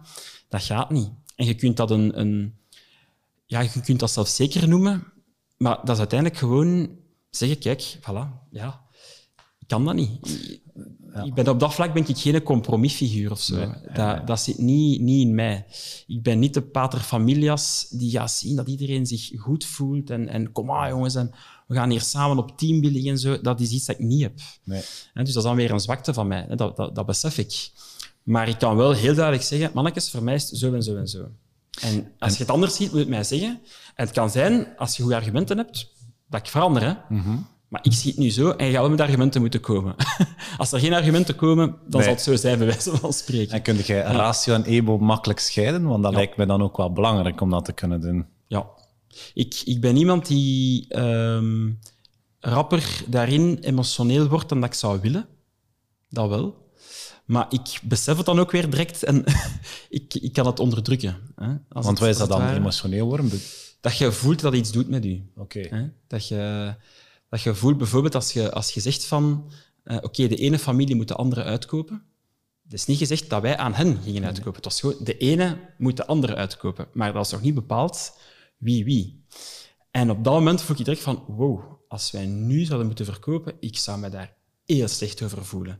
Ten aanzien van mijn zussen, ten aanzien van mijn ouders. Ik zou mij gefaald voelen in mijn opdracht. En dan voelt je iets emotioneel. Ja. Want rationeel waren zij misschien akkoord geweest. Van ja, dat is nu eenmaal de beste eh, oplossing voor het probleem. En misschien dat zij daar zelfs niet van wakker lagen. Maar voor mij voelde ik dat emotioneel. Dat is dan een soort waarde dat naar boven komt. Van oef, dat zou voor mij niet, niet, niet gaan. Daar zou ik niet mee over weggekund hebben. Dus daardoor ook waarschijnlijk dat uiteindelijk wij aan hen eh, overkocht hebben. En Dat was ook voor hen uiteindelijk, dat was dan weer het geluk, de eerste optie. Hè? Eh, ook omdat wij jonger waren dan dat zij waren enzovoort. Dus dat, dat viel dan ook toevallig. Hè? Eh, allemaal in, in de juiste plooi. Maar goed, dat is hoe het, eh, hoe het mensje soms valt of niet valt. Hè? Dus, Maar zelfbewustzijn cruciaal als bedrijfsleider. Toch ook wel. wel... vind ik wel. Dat is een van mijn grote sterktes, denk ik. ja. En ik heb hier juist ook al een zwakte benoemd, hè, dat, dat, dat familiegevoel bijvoorbeeld, of dat... Kom aan jongens, we gaan hier samen een nieuw verhaal schrijven. Dat is iets dat ik veel minder... eh dat enthousiasmeren heb ik veel minder in mij. Maar dat is ook niet erg als je dat beseft en daar dan op andere manieren eh, oplossingen voor vindt of aan probeert aan te werken eigenlijk. eh. En zelfbewustzijn, creëer je dat dan zelf? Of ook door bepaalde opleidingen of dingen te doen? Of Ja, je dat moet in gegaan? jezelf investeren natuurlijk. Hè. Ehm, ja, natuurlijk, als je filosofie studeert, dan moet je ook continu over allemaal abstracte dingen nadenken. En je komt ook onrechtstreeks ook voor een stuk bij jezelf uit. Waarom kijk ik zo naar een bepaald project of inzicht of probleem? Of, ja, Of persoon? of persoon, of, of je, je wordt voor een stuk... Filosofie is denken, hè? Dus, dus je denkt ook automatisch een beetje over, je, over jezelf. Dus in die zin leert je dat ook wel een beetje, denk ik, met die, met die opleiding te volgen. Ehm, en daarnaast heb ik heel veel eh, opleidingen gevolgd eh, bij VOCA, bij Vlerik. Eh, ik vind dat heel belangrijk als bedrijfsleider om in jezelf te investeren. Ehm, dat kost wel wat geld natuurlijk, maar je haalt er dat zo gemakkelijk uit eh, binnen je bedrijf. door bepaalde fouten niet meer te maken of door bepaalde sterktes nog meer tot uiting te laten komen. Dat is zeker iets dat ik, dat ik ook dikwijls aanraad aan collega-CEO's of bedrijfsleiders om, om opleidingen te volgen, om met anderen te spreken, om, ja, om feedback te krijgen over hoe dat je als persoon bent, dat je functioneert. Mm -hmm. we doen dat ook in ons bedrijf. Um, Elke zes maand um, gaat elk teamlid zijn uh, bedrijfsleider evalueren. En dus bij mij is eigenlijk ons, ons managementteam dat mij uh, evalueert op, op, een veertigtal vragen, waar dat we nadien een open gesprek over hebben enzovoort. Ja, ik vind dat superleuk om te doen. Voor veel mensen is dat een hele opgave. Want dat, dat, verplicht je om naar jezelf te kijken. Ik vind dat leuk. Ja. dat is dat plezant om te zien. Van, ah ja, daar heb ik, oef, daar heb ik weer een steek laten vallen. Ja, ja. Ja, ja, ja, dat was weer de aard van het beestje ga daar weer moeten uh, attenter op zijn, bijvoorbeeld. Maar ja, dat triggert mij zoiets. Ik vind het leuk om daarmee bezig te zijn. Ja, maar meestal gaat de feedback in één richting. Zo van de bedrijfsleider naar onder of van de teamleader naar de medewerkers. Maar bij jullie is het echt bewust... Is het omgekeerd. Is het omgekeerd, hè? Ja, klopt. Ja. ja. Ja. dat is heel bewust, hè, omdat, um, omdat ik denk dat je op die manier als bedrijfsleider uh, heel snel kunt groeien.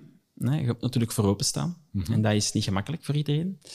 Maar als je ervoor open staat en je krijgt die feedback en je kunt er iets mee doen, ja, dan kun je heel snel groeien als bedrijfsleider en daardoor ook je teamleden heel snel meenemen in je, in uw verhaal. Dus dat is een, een manier om snel, denk ik, uh, en dat is aan mijn geduldige kant misschien ook, maar om snel verschil te maken, om snel vooruitgang te boeken als, als persoon. En waar dat ik absoluut niet in geloof, uh, maar dat is persoonlijk en ik weet dat heel veel mensen daar anders over denken, dus ik respecteer dat ook.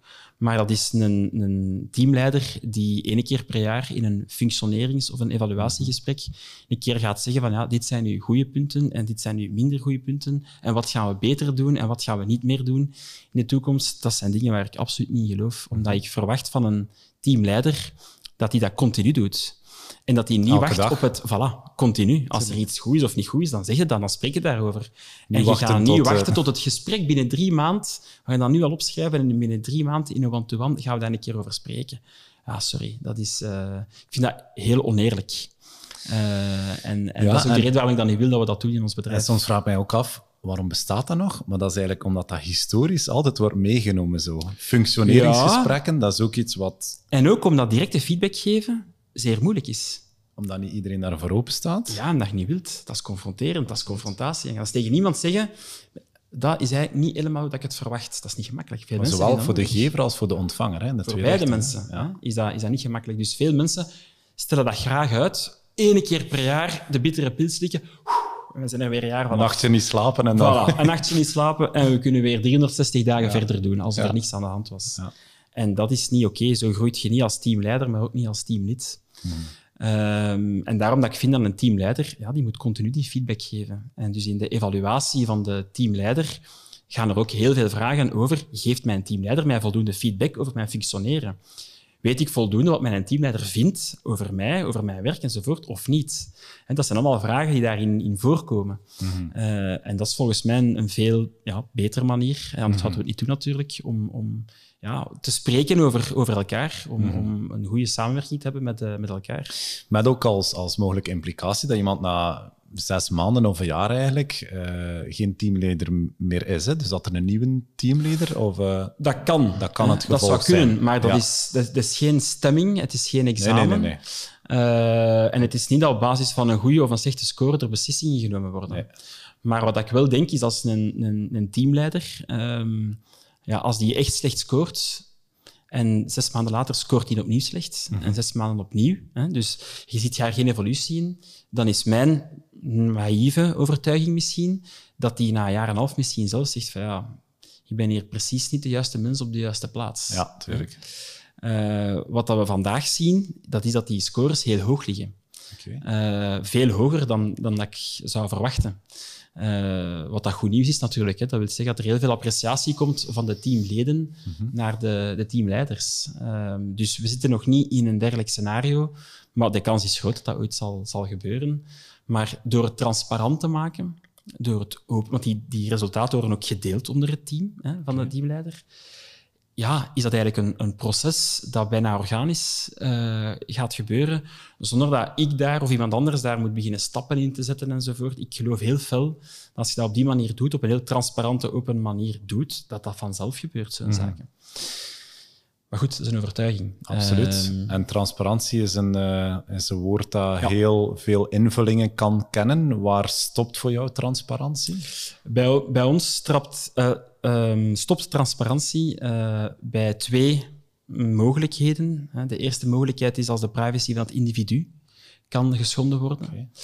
Dus als jij mij in vertrouwen iets uit mijn privéleven gaat zeggen, uh, dat een impact heeft op mijn werk, bijvoorbeeld, maar waar anderen geen zaken mee hebben, ja, dan ga je daar niet transparant over zijn naar anderen toe. Mhm. Want dat gaat uw privacy schenden, dus dan doet je dat niet.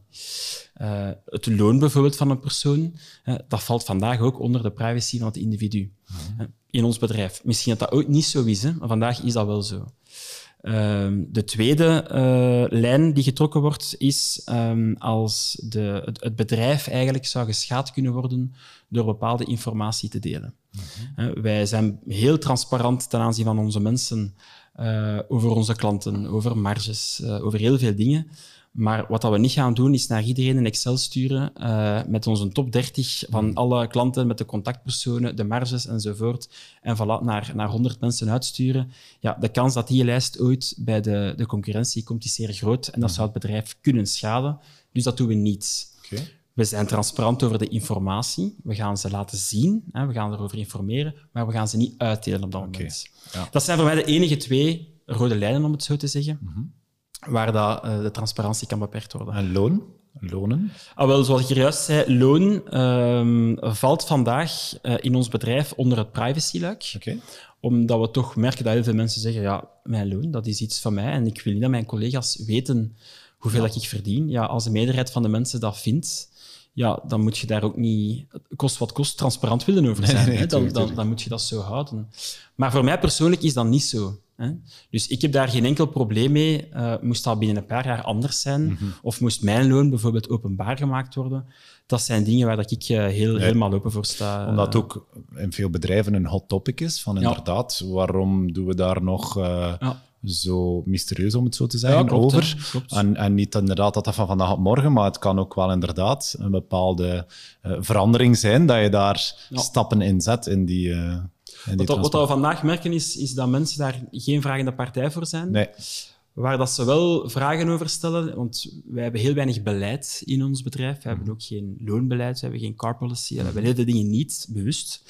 Um, maar bijvoorbeeld waar heel veel vragen over zijn, is van ja, um, ik heb vrienden en daar krijg je na tien jaar of na vijftien jaar krijg je opslag, bijvoorbeeld. Ja, bij ons is dat niet. Waarom is dat eigenlijk? Mm -hmm. ah, Oké, okay, laten we daar een keer een gesprek over aangaan. Vinden we dat mensen extra loon moeten krijgen omdat ze hier tien jaar werken. Vinden we dat dat een verdienste is of niet? Dat zijn gesprekken die we nu gaan doen. Okay. Als de meerderheid van de mensen vindt van ja, daar zou iets tegenover moeten staan, okay, dan voeren we dat in. Allee, zie je, dat, maar dat zijn dingen die je, die je samen met mensen kunt bespreken. Hè. Ook in bepaalde teams hè, horen we dan soms ook wel een keer van ja, maar de ene verdient meer dan de andere. Hè. En dan is het van, ja, oké, okay, dat, dat kan. Vinden we dat iedereen hetzelfde moet verdienen? Ja, ja, nee, nee, nee dat, dat vinden we ook niet. Oké, okay. Wat vinden we dan aanvaardbare marge? Vinden we dat uh, het laagste loon binnen een team en het hoogste, hoogste loon, dat daar 10% mag tussen zitten, mm -hmm. daar 20%, 30%?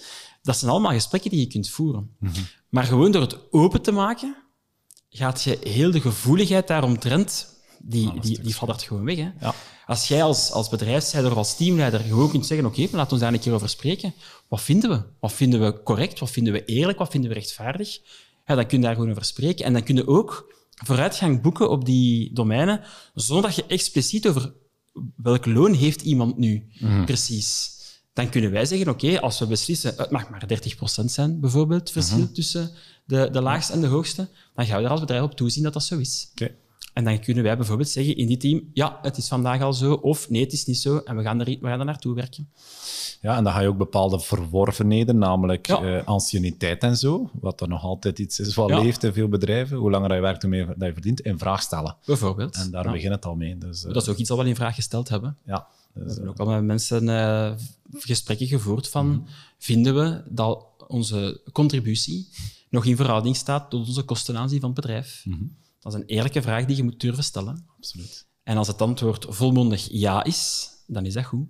Oké, voilà. Hè? En als, het, als er twijfel is, dan moet er over gesproken worden. Ja. Maar gewoon al door het gesprek te openen en daar, door daar ook zelf geen taboe eh, Geen taboes. voilà, Ja, ja. Over, over te hebben, worden dat helemaal niet zo moeilijke gesprekken. Eh, dat is eigenlijk heel opvallend.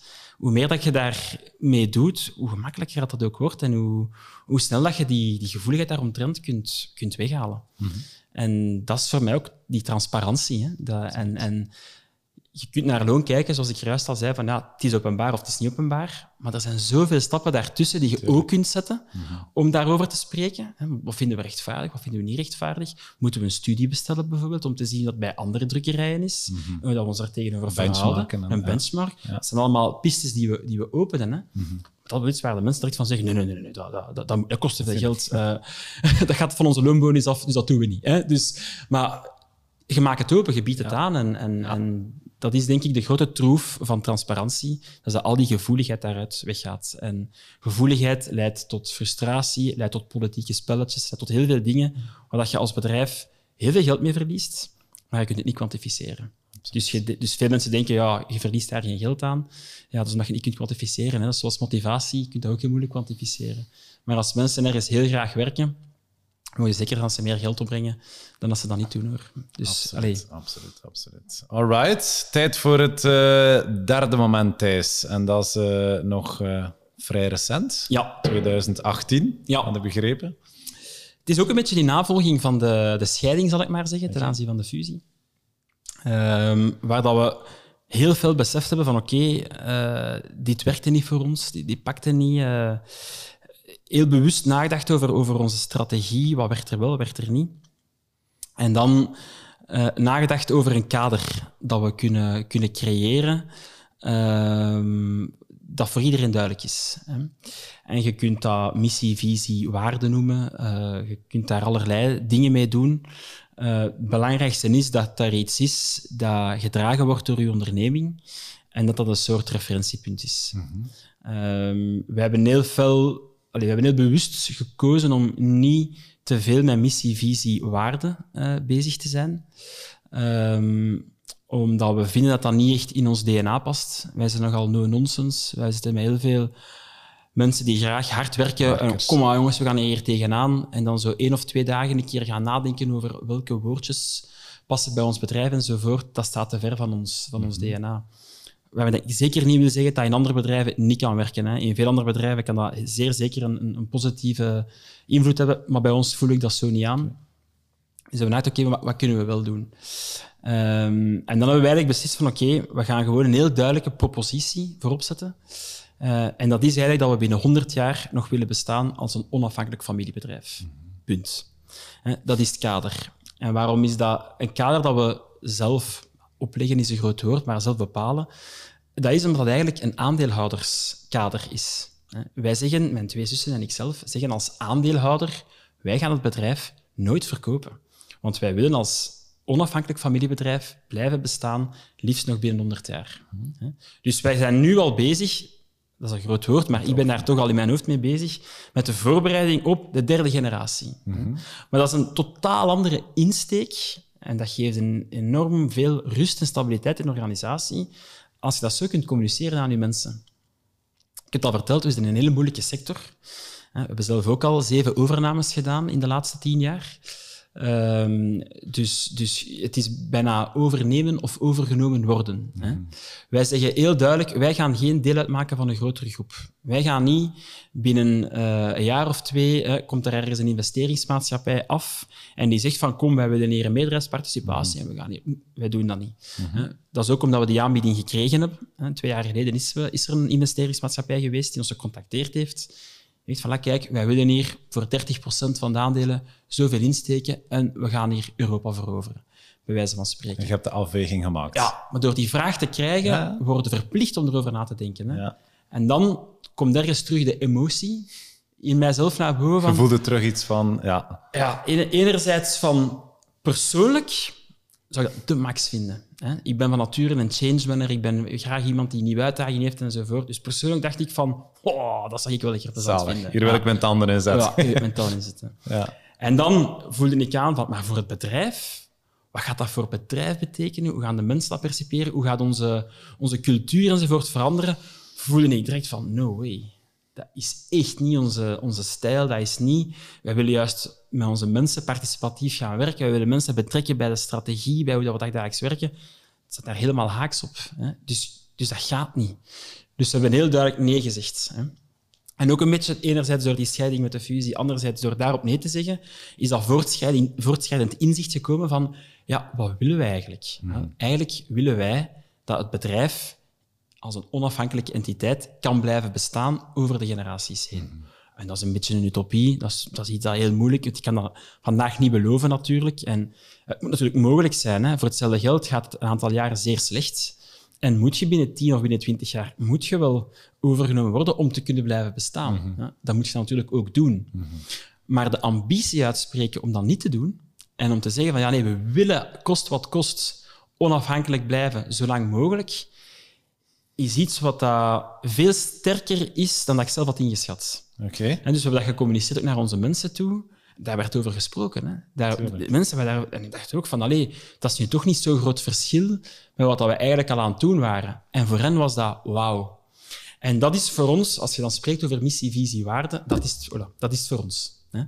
En al hetgeen dat we doen, is binnen dat kader dat we dat doen. Of dat je het dan aftoetst of die, van ja. pasta binnen... Je gaat, ons dat helpen ja. om uh, de kansen te vergroten om onafhankelijk te kunnen blijven en te kunnen blijven bestaan als een onafhankelijk familiebedrijf. Dat is altijd bij al hetgeen dat we doen. Hè. Dus we, we doen de teammeetings, we betrekken de mensen bij hun dagelijkse werking. Dat is allemaal om hen meer en meer ja, medezeggenschap te geven bij hun organisatie, bij hun dagelijkse werking. Omdat we ervan overtuigd zijn dat hoe zelfstandiger dat iedereen kan werken, hoe sterker dat wij zijn als bedrijf, hoe minder afhankelijk dat wij zijn van een aantal teamleiders en hoe groter de kans dat wij dus op lange termijn gaan kunnen blijven bestaan. Mhm.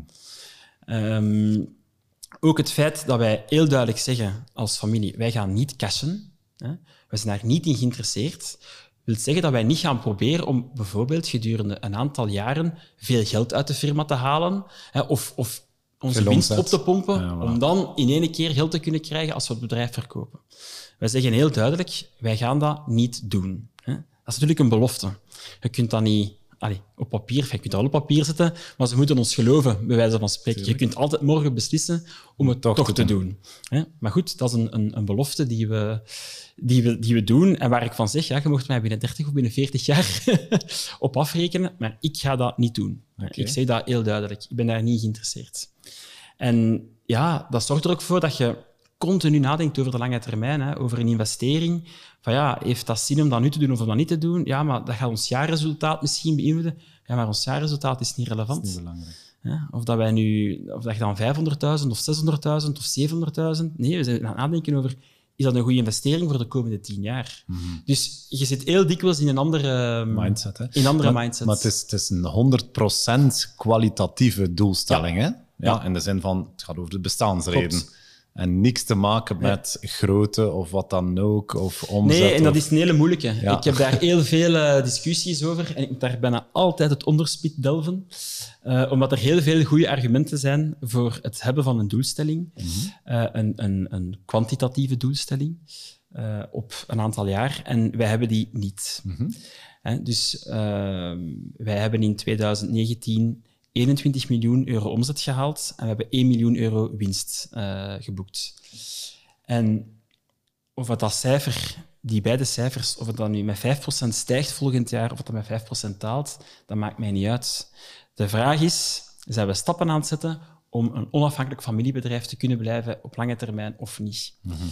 Zeer moeilijk om, dat, uh, om daar met anderen over te spreken. Hè? Um, ook in de raad van bestuur bijvoorbeeld. Ja, maar ja, maar hoe kun je dan weten dat je goed bezig bent of niet? Ik zeg, ja, maar als jij een doel zet van, van 5%, 5% groei, of van 10% groei, en je hebt dan maar 8% groei gehaald, zijn je dan slecht bezig? En als je 10%, dat is 2% meer, dan zit je opeens goed bezig. Of al was de doelstelling 7, dan ja, waren we wel goed bezig. Ja, voilà. Dus, en het bepalen van doelstellingen, ik zie dat in heel veel organisaties, gebeurt zo arbitrair. En er is dan een soort getallenfetish. Hè? Ik zal het voor te lachen, maar ik zei altijd, waarom is uw omzetdoelstelling, waarom is dat 30 miljoen en niet 29,5? Ah ja, 30 is een mooi rond getal. En waarom is uw, uw groeidoelstelling 5% en niet 6,5%? Ja, 5% is een mooi rond getal. Dat toont al aan hoe relatief hè, die doelstelling is. En wat ik wel begrijp, is van ja, maar je hebt een doelstelling nodig om te evolueren. Hè? Mhm. Uh, hoe zeggen ze dat? Uh, aim for the stars en uh, shoot for the moon. Allee, of, of you land Ja. on the moon of zoiets. Hè? Begrijp dat, hè? Ik kan, ik kan dat volgen. Maar ik functioneer zo niet. Ik heb, dat, ik heb dat niet nodig om elke dag opnieuw mijn best te doen en zo goed mogelijk ja, aan elke dag te starten en te doen wat dat nodig is. En mijn overtuiging is in ons bedrijf dat de meeste mensen dat niet nodig hebben. En ik gebruik daar soms een metafoor voor, en dat is misschien geen, geen goede metafoor, maar ik ga hem toch gebruiken. Ehm, dat is een beetje zoals een voetbalmatch. Hè? Ehm, dat is een beetje zeggen van, ja, eh uw spelers gaan niet proberen om een match te winnen als ze niet weten dat ze in het klassement dat ze gaan voor kampioen of voor plaats drie of plaats zeven of tegen degradatie strijden. Zo werkt dat niet. Een goede speler die op terrein komt, die is niet bezig met ah, ik ga nu een goal scoren, want dan gaan we misschien derde worden. Nee, die probeert gewoon zo'n goed mogelijke match te spelen. Ongeacht die doelstelling die er is in, in, in, in het klassement. Dus ook daar is die doelstelling nodig. En zo vergelijk ik dat een beetje ja, met, met, met hoe dat wij werken. En ik weet dat die metafoor niet helemaal klopt. Hè, dat daar Ik ook ben, ik ben voetballer, dus ik herken ja, het wel. Voilà. Dus, nee, nee. dus daar zijn ook tegenargumenten voor te geven. En ik volg die ook dikwijls. Maar ja, dat is ook een beetje mijn, mijn eh contrair of rebelse kant dat dan misschien kant. naar boven komt. Van, ja, als iedereen zo'n doelstelling heeft, dan wel wij niet. en we gaan tonen dat we het ook zonder zo'n doelstelling Nee, maar ik vind, kunnen ik vind het een interessante insteek, omdat het uiteindelijk gaat... ehm, is eh groei een doel op zich of een manier om voilà. een bepaalde ja, hoger doel te bereiken, dat niks te maken heeft Ja. met cijfers. Dat vind ik net het interessante. En, en wat is dan eh, de meest duurzame? En ik Voilà. ben, het is ook oké als, als ondernemers of bedrijven geen duurzame doelstelling hebben. Nee. Ja, als die zeggen van we willen binnen vijf jaar eh cashen, wat dat jullie nu niet hebben beslist. Ja, ja, maar dat is, dat, is, dat is perfect. Hè? Minstens even goed, maar dat gaat ook een impact hebben op alle andere beslissingen. Dus Ja. Het is... ehm, Dat is juist hetzelfde, maar terug de, de, de vergelijking met de voetbal te maken. Je kunt perfect als bestuur zeggen, ja, wij spelen in derde klas, wij willen vijf jaar in eerste klas zitten. Voilà. Ja, dat vind ik wel een nuttig doel. ja, klopt. Maar dat hebben uw spelers niet nodig Nee. om, Om- om in matchen te spelen. Om gemotiveerd te zijn. Daarvoor moet jij dan een structuur, moet je misschien geld gaan verzamelen om betere spelers te kunnen kopen. Oké, en dat, dat, dat, volg ik dan weer wel. En dat is ook iets, allee, dat is dan een, een vraag die ik, mij, die ik mij persoonlijk ook stel. Ja, ben ik wel de juiste man op de juiste plaats vandaag? Hè? Dat is misschien dat ik nog wel, wil delen. Ehm, ik denk wel dat ik dat geweest ben in de, de voorbije periode, de laatste jaren misschien al wat, al wat minder. Allee, of kan ik er al meer een vraagteken bij zetten? Maar ik ben van nature een, een change manager. hè. En dat was toevallig, als ik in 2009 startte, exact wat we nodig hadden. We moesten veranderen als bedrijf, we moesten reageren op de context. En, en ik was toevallig, denk ik, de juiste man op de juiste plaats. En dat is goed uitgedraaid. hè. Vandaag zitten we in een stabiele omgeving. Ik zit daar straks ook al. Ik word getriggerd door een aanbod van een investeringsmaatschappij. En ik voel de, de tweespalt tussen mijn eigen rol of mijn eigen wil of wat ik graag zou doen en wat dat voor bedrijf goed zou zijn. Dus ik ben me daar wel bewust van ook. Opnieuw een stukje zelfinzicht van, ja, ben ik vandaag wel de juiste man op de juiste plaats, aangezien ik continu verandering wil en dat eigenlijk het bedrijf een beetje nut heeft aan stabiliteit, duurzaamheid op lange termijn enzovoort. En dat is wel iets waar ik me vandaag de vraag stel, hè, ook als het gaat over dat doel. We hebben vorig jaar een miljoen euro winst gemaakt. Hè, of dat wij dit jaar, even los van de coronacontext, of dat wij nu 1 miljoen euro of 2 miljoen euro winst maken, ah, dat kan mij echt niet schelen. Dat boeit mij niet. Maar de vraag is of dat wel oké is, dat mij dat niet boeit. Want misschien hebben we dat geld wel nodig om investeringen te doen en, om effectief en dat duurzame karakter te kunnen blijven werken. Dus dat is zoiets waar ik vandaag met een twijfel zit. Hè. Ik zei daar straks van, ik ben redelijk zelfzeker. Ja, maar op dat vlak stel ik ook heel veel, heel veel dingen in vraag. Ook jezelf. Ja, ook mezelf. Van, ja, ben ik wel de juiste kapitein op het schip? Hè? Want het schip is veranderd. En de wateren rondom ons zijn ook serieus veranderd. Ja, en heeft- misschien nog veranderen. En ik zal blijven veranderen, ongetwijfeld. En ben ik wel de juiste man op de juiste plaats? Ja, ik durf daar vandaag niet één, maar vijf vraagtekens eh achter zetten. Maar goed, anderzijds is het ook zo, door het dan weer uit te spreken, creëert je ook weer instabiliteit. Hè? En zeg je ook weer tegen de mensen, ja, het is niet gezegd dat ik hier zomaar hè, 30 jaar lang CEO ga blijven. Dus je moet daar ook een beetje mee opletten. Maar goed, ja, dan kies ik toch voor de transparantie. En, en wij zijn nu bezig met een, een, een tweede bedrijf in Frankrijk uh, op te zetten. We hebben een overname gedaan vorig jaar. We zijn met nieuwe overnames bezig in Frankrijk. We proberen daar eigenlijk een tweede uh, dedicate te maken. Okay. Maar, Onder hetzelfde brand ja, dan? Ja, ah, okay. waarschijnlijk nog niet, maar dat zal waarschijnlijk in de toekomst zo zijn. Uh, om ons succes te kopiëren eigenlijk in, in, in het noorden van Frankrijk. En daar kan ik mijn ei weer kwijt. We zijn daar met overnames bezig, met, met verhuizen, nieuwe machines, integraties, uh, nieuwe communicaties. En ondertussen had ik Dedicate in België gerust. Okay. Zie je, dus dat is een goede manier om ermee om te gaan. Ja. Maar misschien binnen een paar jaar ja, gaat het daar ook staan. En dan ja, misschien weer die vraag hebben van, ja, oké, maar moet ik misschien toch niet, toch niet iets anders gaan doen? Dat is wel een, een opening die ik laat en die ik ook heel duidelijk communiceer. Van, voilà, kijk, ik werk vandaag ongeveer vier vijfde voor Dedicate en één vijfde voor een drukkerij in, uh, in Frankrijk.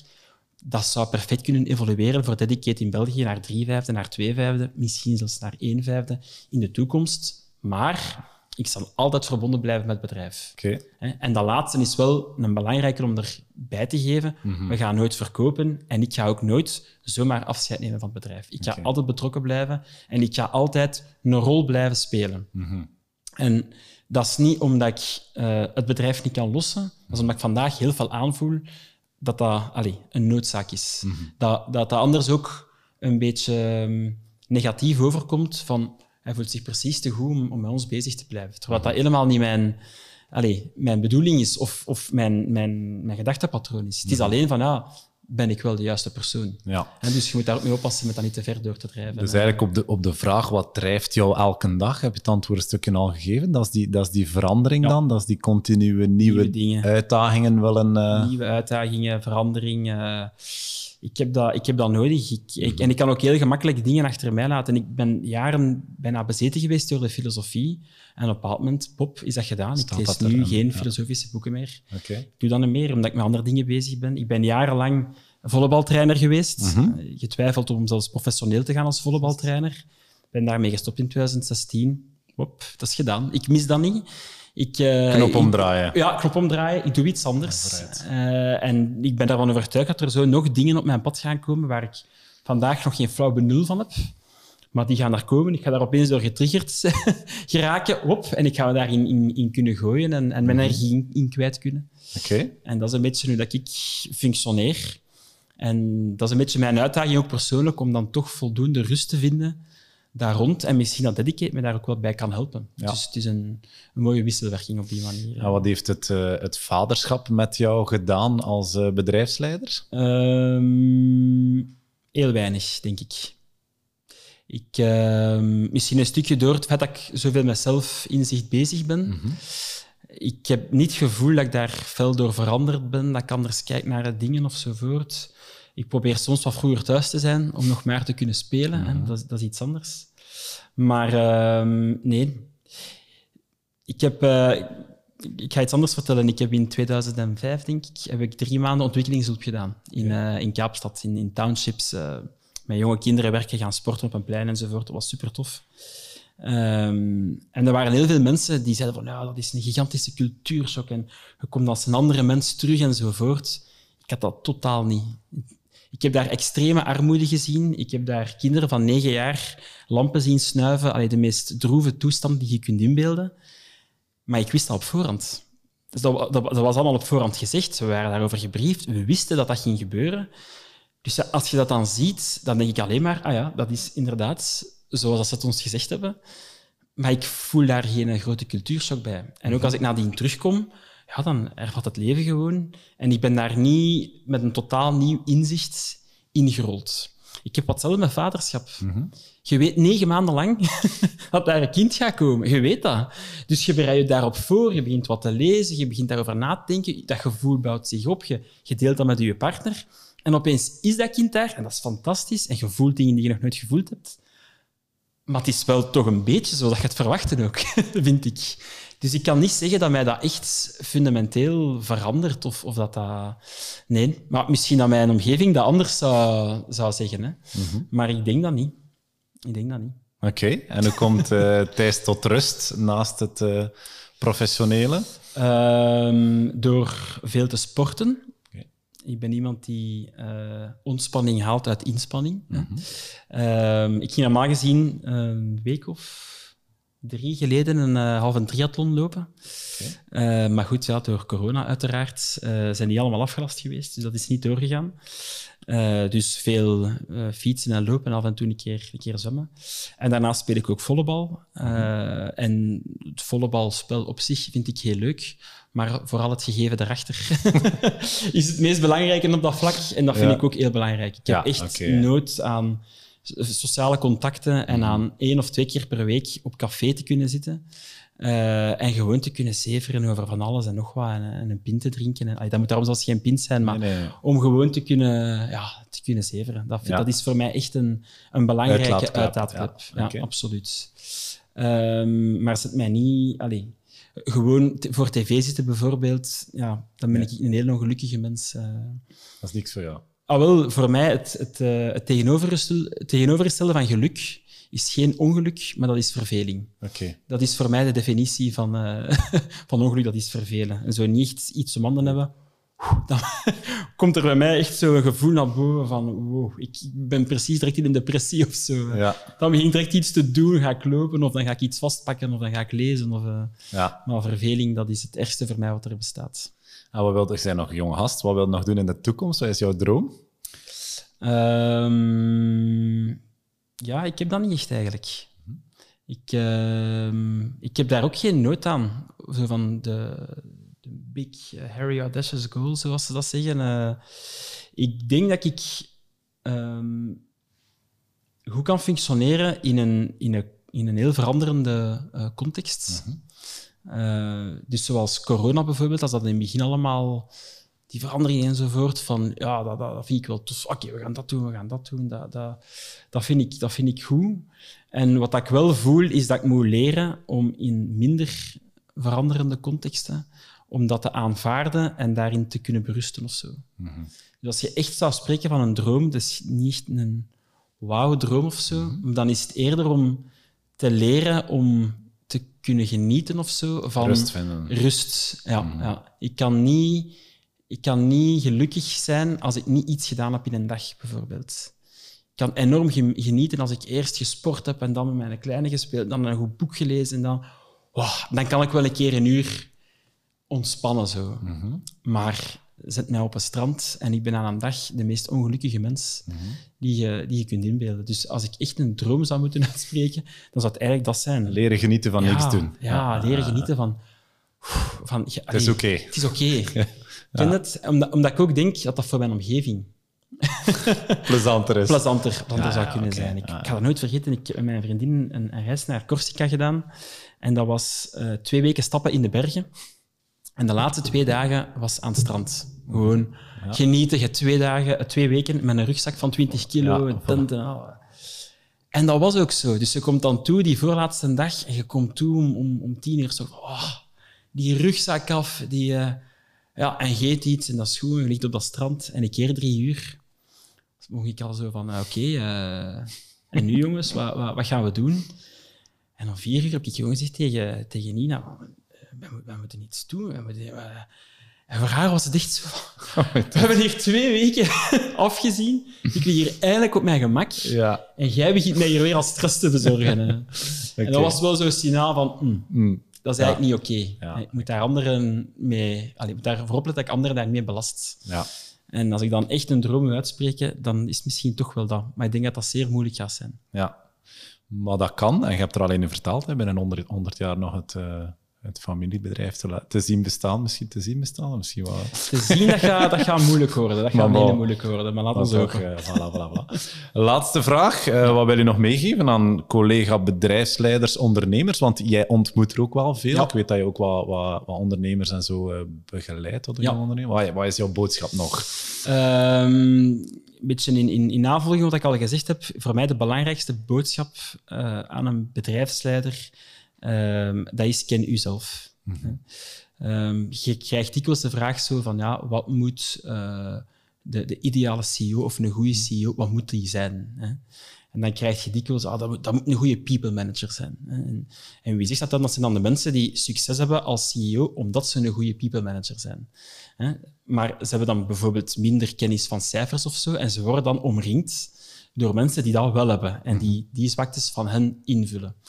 Um, en je hebt daarnaast ook mensen die helemaal geen goede people manager zijn, maar die goed met cijfers zijn bijvoorbeeld, maar die dan dat people management laten invullen door andere mensen in het bedrijf. Dus dat kan ook. Dus het belangrijkste is voor mij dat je weet wat je sterkte en je zwakte zijn en dat je inzet op je sterkte. En dat waar dat je minder goed in bent, dat je daar laat omringen door mensen ja, die, die, die, die leemten die je, die je zelf hebt, en dat is niet erg, mhm. dat je die kunt, kunt invullen. Ik heb dat zelf ook gedaan in ons bedrijf. Bepaald een besef van, oké, ik ben hier niet de juiste coach voor bepaalde mensen. We gaan er iemand bij halen die dat, die dat wel kan, die, die wel die rust kan, kan geven. En dat is een, een tip die ik, die ik probeer te geven aan, aan, aan anderen ook. Van kijk, kijk naar jezelf, besef wat je sterkte zijn en probeer geen superman te worden. Mhm. Het kost heel veel energie om van een 4 op 10 een 5 op 10 te maken. Maar het blijft een 5 op 10. Hè. En het geeft heel veel energie om van een 8 op 10 een 9 op 10 of een 10 op 10 te kunnen maken. en, en, mensen gaan dan ook veel meer zien als wow, daar is die echt sterk in enzovoort. En als je terwijl iemand vindt om van u 4 dat die persoon dat een 8 al is, ja, dan zit je vertrokken voor een sterke organisatie. Mhm. En dat is dus mijn tip die ik meestal geef dan als ze mij dat vragen van kijk naar je zwaktes, kijk naar je sterktes en reageer daarop. Investeer in zelfbewustzijn. Absoluut. Ja. Dus ook opleidingen volgen enzovoort is daar zeker een belangrijk aspect in. Geweldig, Thijs. Bedankt voor het uh, fijne gesprek. Graag gedaan, met alle plezier. En ik zou zeggen, heel veel succes in alles wat je nog doet in Frankrijk en wie weet de rest van de wereld nog. We zullen zien. We zullen zien. Dus uh, bedankt en uh, sowieso tot binnenkort. Hè. Dankjewel. Merci. Hopelijk heb je genoten van deze podcastaflevering. Abonneer je nu via een van onze kanalen om geen enkele aflevering te missen. Laat gerust ook een reactie na. Stuur de podcast door naar andere ondernemers of laat ons weten wat je ervan vond. Tot de volgende keer.